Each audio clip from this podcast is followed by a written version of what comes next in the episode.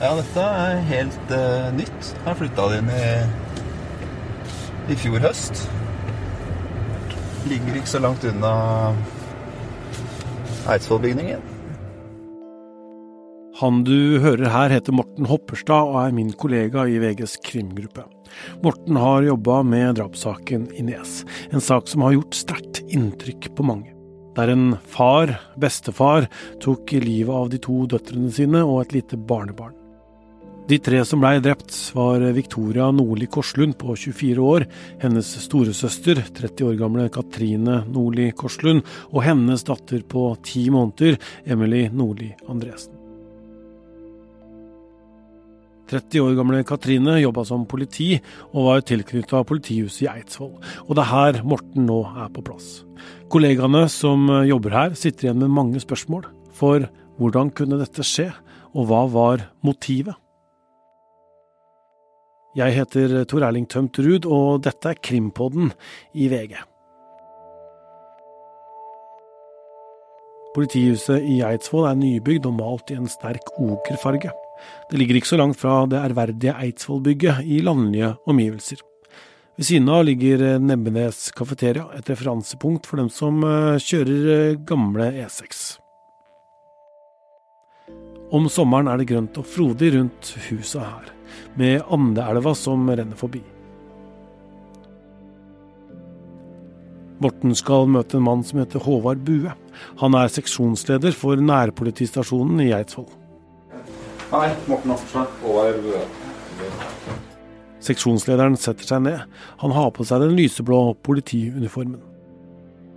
For litt over en uke siden ble det svært dramatisk. Det kom inn flere meldinger om en alvorlig hendelse ved en enebolig i skogbygda i Nes.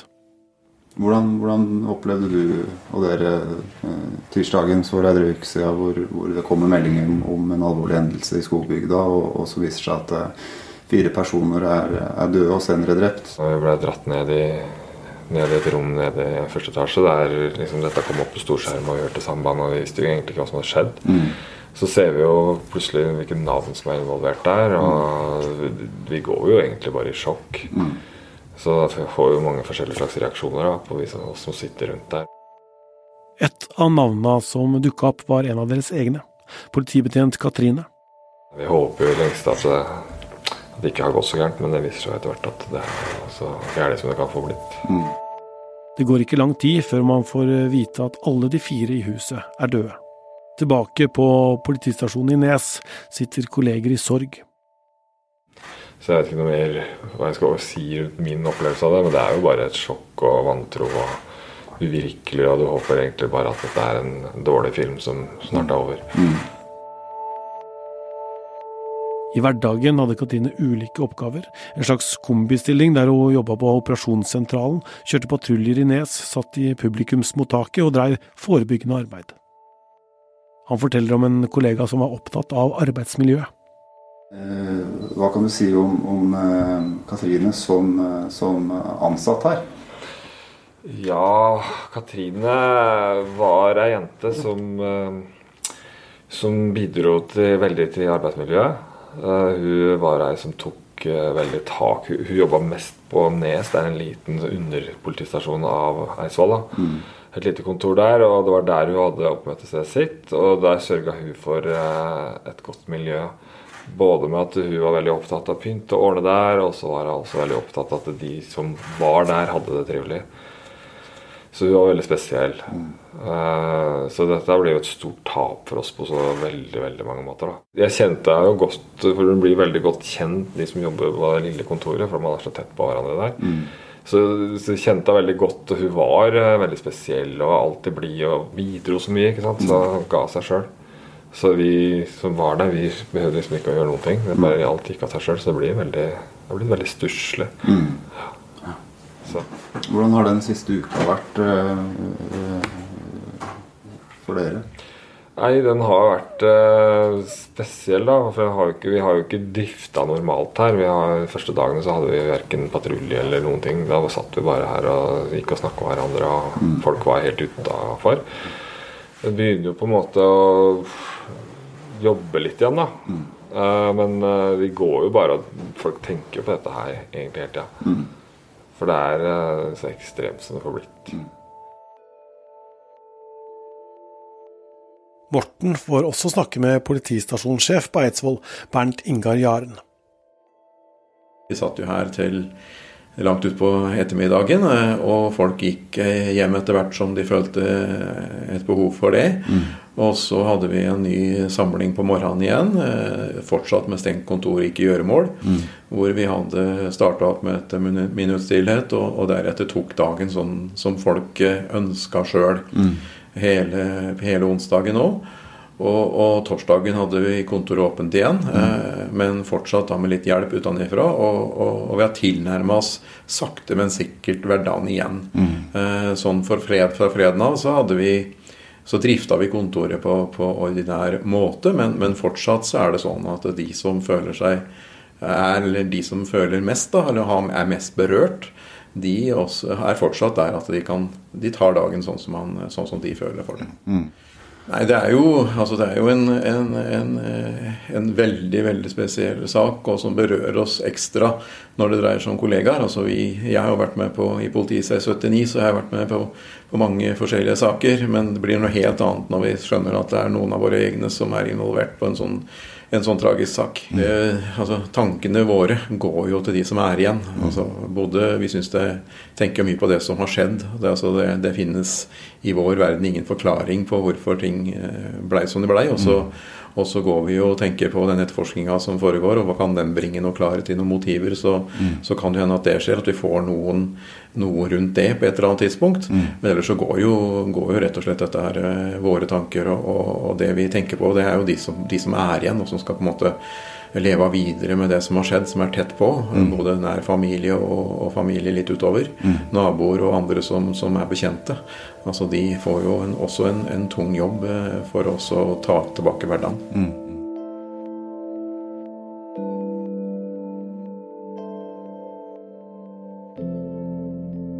Kollegene i eh, politiet har da mista en eh, god arbeidskamerat, og, og spør seg da hva er motivet i denne eh, tragiske hendelsen, Øystein? Altså, Veit vi noe mer om hva som ligger bak?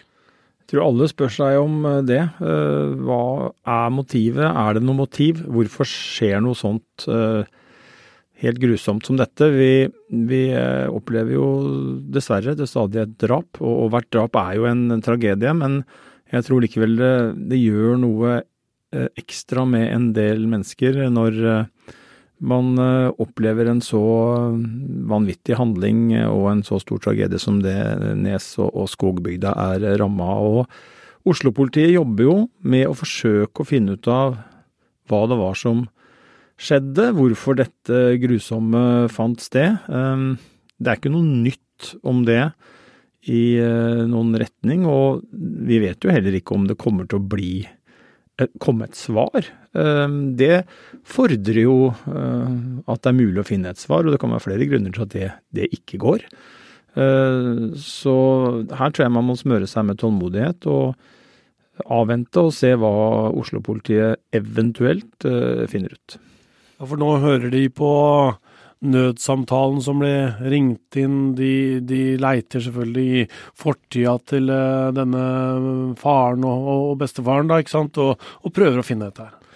Ja, det er de vanlige tingene. Og så er det jo klart at uh, her har du jo da ikke verken han som uh, er utpekt for å ha løsna skuddene, eller noen som var til stede da det skjedde, sine stemmer og sine opplysninger å støtte seg på. Da blir det jo en krevende etterforskning. Da handler det om å innhente informasjon, som du sier, Tor Erling, fra eh, de eventuelle kildene som eh, må kunne eventuelt bidra. Eh, og det er jo da om det har vært noe i helsesporet, om det er noen offentlige etater som vet noe, om det er noen privatpersoner, venner, omgangskrets alle disse tingene her forsøker politiet da å kaste lys over, eh, eller de forsøker å snakke med så mange som mulig og undersøke alle disse sporene for å kaste lys over forsøksvis eh, hva og hvorfor som skjedde. Men, eh, men igjen, det er ikke sikkert at det kommer noe svar. Det, det er selvfølgelig mange som, som,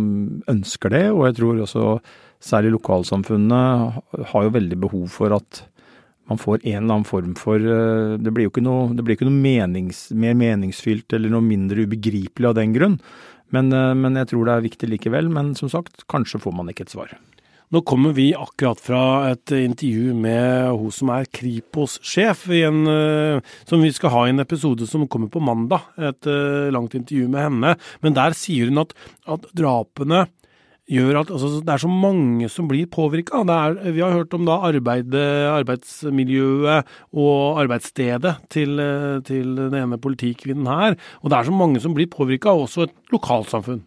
Ja, det er eh, i større eller mindre grad eh, så påvirker det veldig, veldig mange. Og eh, det er jo selvfølgelig aller verst for de som er, er tettest på. Men uh, som vi har vært innom i tidligere episoder om denne saken, og også andre saker som skjer i et litt mindre lokalsamfunn, så, så er det mange som kjenner hverandre. Det er knytta bånd på kryss og tvers opp gjennom kanskje generasjoner. Um, det er mange som eh, ja, er borti hverandre i skolesammenheng, eller i lag og foreninger, eller familiære sammenkomster så har man eh, mange som, som, vet av hverandre, og som eh, kanskje kjenner hverandre godt. Og da blir det kanskje i noen tilfeller sånn at et eh, litt mindre lokalsamfunn som vi snakker om her, med Skogbygda, at, at det rammer på en litt annen måte enn det gjør et lokalsamfunn som er litt større. Og denne uka skal uh, ofrene her, uh, de to søstrene og den ene datteren, da begraves. Uh, det er jo en Eh, begravelse som, eh, som blir spesiell?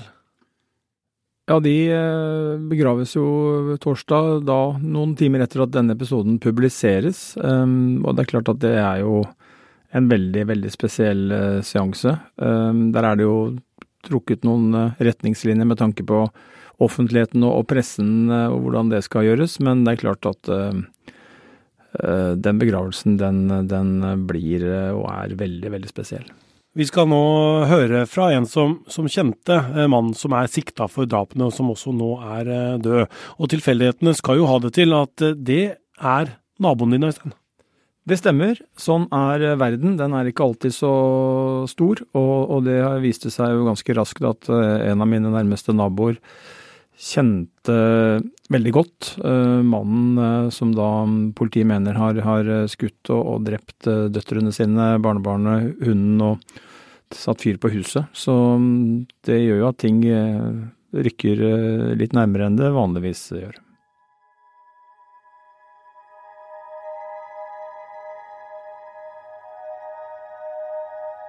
«70 år gamle Bård Arild Bråten er bekymra. Han har fått med seg nyheten om at fire mennesker er funnet døde i skogbygda i Nes. Han tar opp telefonen og ringer til kameraten sin som bor i den lille bygda. Da fikk vi ikke noe svar. Og da begynte jeg å få litt bange anelser, da. Det som kommer er et forferdelig sjokk, for seinere denne ettermiddagen ser han på Siste Nytt på TV-en. Da kjenner han umiddelbart igjen oppkjørselen og søppelkassene til mannen han har kjent i flere tiår. Og nå nå blir kameraten sikta for å ha drept begge sine to døtre, og også et lite barnebarn. 65-åringen har tatt sitt eget liv. Så jeg så fikk jo helt sjokk. Jeg ble jo egentlig helt ja, uvel i kroppen. Ja, det går ikke an å forklare med ord. Det er helt umulig. Pensjonisten som er fra Dal i Eidsvoll kommune, har vanskeligheter med å finne ord som kan beskrive sjokket. Han og kameraten har dyrka felles interesser gjennom flere tiår. Det er kollega Marianne Vikås som intervjuer ham. Vi hadde jo felles interesser med jakt og fiske og, og turer i skog og mark med å plukke bær og alt forskjellig. Og dette har jo hengt med oss da i alle år videre. Så det har vært Nå var det vel Men så begynte vi da i 1984. Da begynte vi pelsdyrdrift sammen. Mm. De drev med oppdrett i de påfølgende 25 åra. Du sa pe pelsdyr, var det, var det, det var mink? Ja, vi drev, drev rev og mink sammen ja, i, fra 1984 til Jeg holdt vel litt på for meg sjøl kanskje de siste to åra, men jeg ga meg 1.1.2009. Og etterpå der så har vi jo holdt kontakten, for vi har jo vært Ja, jeg veit ikke, vi har jo hengt sammen, sa jeg. Så Vi har jo virkelig hatt et utrolig fint forhold. I forbindelse med Bråtens 70-årsdag hadde kameratene planlagt å dra på villsvinjakt i Sverige i fjor høst. Turen var en spleisegave fra jubilantens familie og den nå drapssikta kameraten, men blei av ulike grunner utsatt til eh, kommende høst. Lørdag, tre dager før drapene, oppdaga Bråten at han hadde fått en pengeoverføring fra kameraten inn på konto. 65-åringen hadde alltid vært raus med gaver, forteller Bråten. Denne gangen var det mer enn vanlig, men han antok at eh, det også var for arbeid Bråten hadde hjelpa kameraten med. Han ringte til kameraten. Da de snakka sammen lørdag, fikk han ikke noe inntrykk av at noe var gærent, snarere tvert imot. Ja. At vi er i lag, sa jeg det, det er det som teller. Og da, så da snakkes vi, og da, jeg husker ikke akkurat hvor lang den telefonsamtalen var, men da prater vi, og vi prater jo om familie og om sånn litt ordentlige ting, da. Og ingenting var gærent. Du, du fikk ikke inntrykk av at det var noe som var annerledes? Nei, nei, nei, nei. Ingenting. Nei var ikke noe som kunne Og selv om jeg tenker nå på den samtalen etterpå, så er det ingenting som tilsier at det skulle være noe galt. Nei. Det er det ikke. Den nå avdøde 65-åringen jakta elg, og for 20-30 år siden så gikk de to kameratene på revejakt sammen.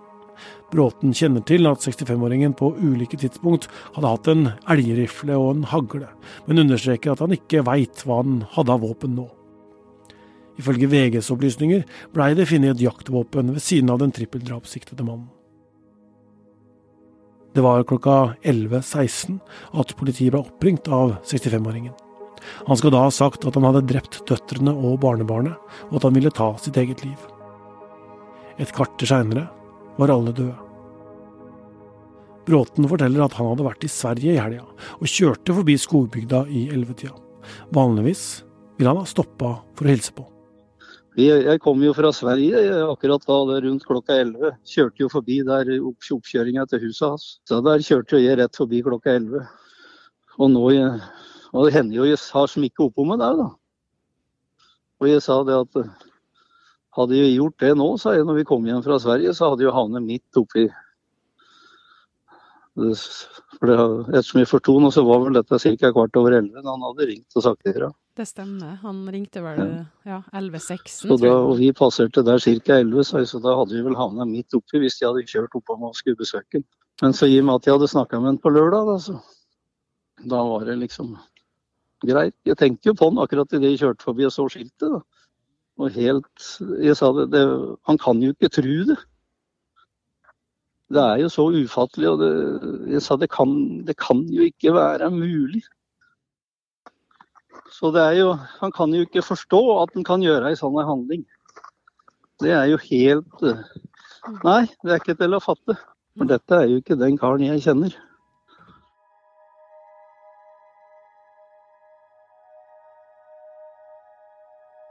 Politiet etterforsker fortsatt hva som skjedde i Det hvite huset i skogbygda. Faren, bestefaren som tok sitt eget liv, er sikta for drapene.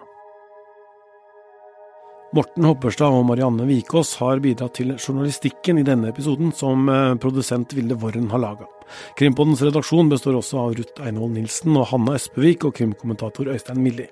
Jeg heter Tor Erling Tømterud.